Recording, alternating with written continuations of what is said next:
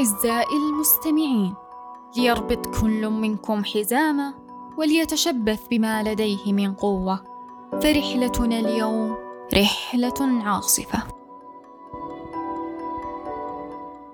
لما ناخذ لمحة خاطفة على حياتنا الاجتماعية والعملية والدراسية ممكن نردد مصطلحات وارد تكرارها مثل الفشل نجاح السلبية إيجابية هنا بنلاحظ أن الفشل والسلبية ندنا الأول والنجاح والإيجابية ندنا الثاني.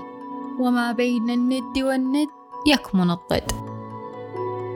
لكن خلونا ناخذ وقتنا برحلة اليوم ونستبصر على مه. مين منا ما يعرف ألبرت أينشتاين؟ صاحب النظرية النسبية اللي رسب بامتحاناته في المعهد العالي. توماس أديسون المكتشف اللي هم اكتشافاته المصباح اللي حنا عايشين عليه اليوم واللي طرد من مدرسته بحجة أنه غير قابل للتعلم. كثير تحصل مواقف أنت تجادل فيها مع أشخاص يتجاهلون الدراسة أو أي شيء آخر بحجة أن أشهر العلماء ما أكملوها. هذا ما يدل على الفشل بالعكس يدل على قمة النجاح. كلامهم صحيح ونتفق أشد الاتفاق معه. لكن خلونا نبصر حقيقة الموضوع. نعرف إنهم أشخاص مختلفين عنا وحتى عن بعضهم البعض. والمقصد أن الظروف تختلف الزمان يختلف الجهد يختلف الدافعية تختلف وحتى القدرات تختلف. قصصهم تعلمك أن الفشل في جانب لا يعني الفشل في جميع جوانب الحياة لكن عمرها ما كانت مقياس نقدر نمشيه على الأمة. لأنك ما أنت أينشتاين ولا أديسون ولا غيرهم أنت نفسك. والسؤال اللي أفضل دائما أسأله لنفسي عشان أقدر أسوي عصف ذهني بالأشياء اللي أنا قادرة أنجزها سواء كانت قريبة أو بعيدة المدى وهو إيش الشيء اللي بيجعل اسمي يخلد في التاريخ بإنجازي؟ وما يشترط أنه يكون إنجاز بشيء سبق وأحد أنجزه أو متعارف عليه بأنه إنجاز. ما نعرف. يمكن يكون هذا البودكاست واحد منهم.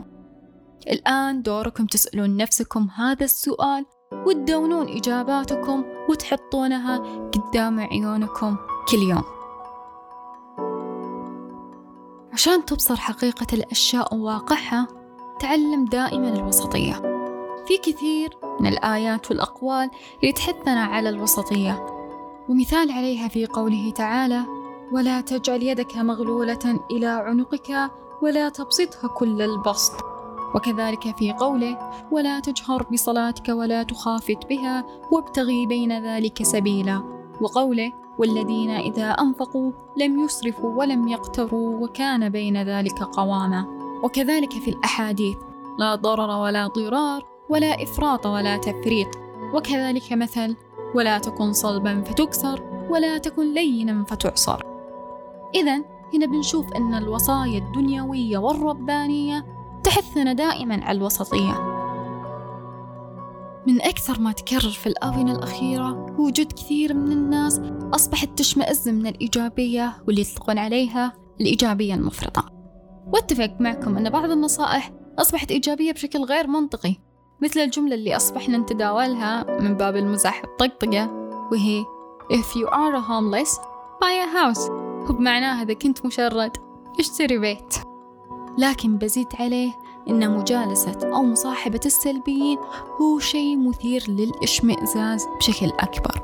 لا بأس بقليل من الحلطمة مع جرعة تفاؤل لكن لا تجعل السلبية طريق لك للجزع. والسلبية لما تكون نمط حياة أكثر من إنها باب للتفريغ ما راح تخليك تتحرك من مكانك بل على العكس بتخليك شخص دائما يرجع إلى نقطة الصفر مهما بذل. على النقيض تعلم تكون إيجابي بشكل منطقي بما عندك من إمكانيات. بمعنى أن تعلم الفعل بالأسباب وتفائل لا تنتظر أنك تبصر وأنت مسكر عيونك. لا تنتظر العلم والنجاح وأنت مسكر كتابك. لا تنتظر الحرية وأنت مسكر بابك. لا تنتظر ولا تنتظر ولا تنتظر شيء إلا وأسبابه قيد الحضور عندك. بعد ما جهدت نفسك وسويتها. بس على أي حال بعض الأشياء ممكن تجي صدفة. استغلها. إذا عزيزي المستمع تعلم تعيش أحلامك بواقعية. لا تتركها لأنها صعبة الوصول ولا تتعشم فيها للحد اللي يخليك تتخيل أن حياتك متوقفة عليها. ما في أي شيء بالحياة توقف حياتك عليه. اسعى واستمتع بحياتك واعرف أن الأماكن والقرارات والاختيارات اللي ما ناسبتك فيها ما هي إلا دروس تساعدك في أنك تنضج بوقت الأبكر ليس عمريا لأن عمرك مجرد رقم يزيد كل سنة بفارق واحد في كل يوم ميلاد لك. شوف كثير من الأشخاص في عمر صغير ونقول ما شاء الله فلان أو فلانة أكبر من عمرهم. أو نشوف أشخاص كبار يتصرفون تصرفات لا تمثل أصحاب منهم في عمرهم فنقول كبر وطار عقله. الإنسان ما ينضج بعمره ولا يحكمه. ينضج بفكرة اللي تصنعها مواقف الحياة اللي توديك يمين وشمال وتكرر لكماتها المتابعة عليك. والضربة اللي ما تقسم ظهرك تقويك والصدمة اللي ما تقتلك تصحيك وتوعيك. وأنا بقول الشمعة اللي ما تحرقك بتنور لك الطريق والجزرة اللي ما تشبعك بتخليك بصير.